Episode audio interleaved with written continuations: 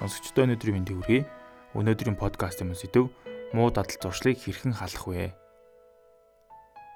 Бидний амьдралын зан чанарыг тодорхойлогч хүчин зүйлүүдийн нэг нь дадал зуршил юм.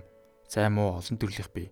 Зарим хүн тогтчихсон дадал хөвшлээ эвдэж өөрчлөх нь бүтшгүй гэж ярьдаг. Харин үүнтэй би санал нийлдэггүй. Оюун ухаанд маш бат бөх суурилж тогтсон дадал зуршлыг бусад тулгамцсан асуудлуудыг зохицуулдагтай адил амархан өөрчилж болдоггүй. Яагаад тэр вэ? Учир нь дадал зуршил бидэнд өдөр тутам нөлөөлсөөр өөрийн гэсэн тусгаар их мэдлэлтэй болж биднийг зохицуулж удирдах байдаг. Гэхдээ ямар ч дадал зуршлыг бид өөрсдөө бий болгож өсгөж төрнөөсаар өөрийн болгочихдаг билээ. Тэгсээр хүний амьдрал өөрөө дадал зуршлын цуглуулга болчихдог. Сайн муу аль алийг нь цуглуулдаг. Архит амьханд орох, хов жив хөөх, дими чалчих, хүнийг араар нь муулах, их унтах, залхуурах, байн хоцрох, албан тушаал ахих гэж мөрөөдөх гээл олон дадал зуршлыг дурдж болно. Харин сайн сайхан амьдрахын тулд амьдралын дайсан болсон муу дадлуудыг халах хэрэгтэй. Энэ тухай хүн бүр мэддэгч чухам яаж халахаа сайн мэддэггүй, мэдсэн ч төвчдөггүй. Иймд бид та бүхэнд муу дадал зуршлыг халахын тулд яах вэ гэдэг талаар зөвлөгөө хүргэе.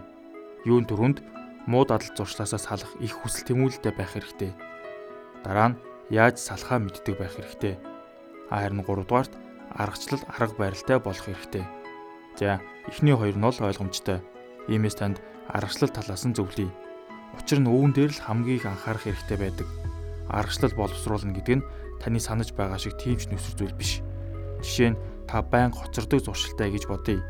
Тэгвэл та юуны өмнө сэрүүлэгтэй болох, цагаа хэдэн минут урагшлуулж тавих, зүгээр л гараадгүй эсвэл түргэн алхах дадлыг өөртөө хөвшүүлж болно Эдгээр нь энгийн мэт зүйл боловч амьдрал гайхалтай өөрчлөлт дэвшилт авчирна. Би өөрөө байн хоцордог байсан бөгөөд тэмцээр байгаад энэ хугацаагаа богиносгож чадсан юм. Одоо ч гэсэн тэмцээр л байгаа. Муу дадлыг хаалх нь маш их төвчээр цаг хугацаа шаарддаг зүйл боловч хэрвээ та хүсвэл энэ нь бүхний л адил боломжтой зүйл юм. Ойлгомжтой болох үднээс нэгэн зөвлөл авъя. Манай гаригаас хөөрч буй сансрын хөлгүүд эхний 1000 км-т маш их хүч, энерги зарцуулж арай гэж туулдаг. Харин дараагийн 500 км-т дэлхийн татвар хүч багассанаар арай амархан болно. Дараа дараагийн өндөрт бүр амархан болсоор 7000 км-т татвар хүчийг бүрэн ялж тойрог замд ордог. Нэгэнт тойрог замд орсон хөлөг судалгаа шинжилгээний ажлаа хийж эхэлдэг. Үүний адил хүмүүс дадал зуршилтаагаа тэмцэж эхлэхэд эхний хэсэг хугацаанд таталцлын хуулийн адил танаас маш их зориг төвчээр хатууж шаардна. Хэсэг хугацааны дараа уг хэсэг үүсэл багассаар та нэг л өдөр муу дадал зуршлыг дийлсэн байх болно. Тэр цагт өөртөө итгэх итгэлтэй нэмэгдэж урам зоригтой нь бадрах болно. Эхний хэсэг хугацааг л та төвчих хэрэгтэй. Цаашид яг ингэж үргэлжлэнэ гэж бүү санаарай. Бүү шантар. Та нэг л өдөр цаад нь гарна. Хэрвээ та муу дадал зуршлаа ялж шин сайн дадал зуршилтай болчихвол амьдрал ирээдүй аяндаа гарттай нэрнэ. Дадал зуршил гэдэг нь тухайн хүний өөрөөр хэлбэл эзнийхээ өмгөөлөл хайранд өсч өндөгдөг. Тэрхүү муу дадал зуршил баг багаар торинсоор эзнээ залгих хэмжээнд хүртэл томордог. Хамгийн энгийн жишээ бол тамхи эхлээд сонирхож татна. Дараа нь байнгын хэрэглээ болно. Яваанда татахгүй бол болдоггүй тийм зуршил танд бий болгоно. Энэ үед эрүүл мэндэд нь аль хэдийн муудчихсан байна. Хүн ээ би ямар тэнийг юм бэ гэж өөртөө хэлж байгаа тэр тоолонд ухаан нэмэн өөрчлөгдөж байдаг. Хизээ нэгэн цагт та хайрын сайхан цаг боломжийг шал хийдими өнгөрөөж дээ. Идэвхгүй амьдралаа өөрчлөе. Муу зуршлаасаа салъя гэж бодвол тэр даруул ихэл. Та дахиад яг маргаашаас эхлээд гэж дахин битгий хэл яг одоо ихэл ямар ч юмыг бүү хойшин тавь. Ус ердийн орчинд байхдаа Цельсийн нэмэх 100 хэмт буцалдаг. 98 биш, 99 биш, яг л 100.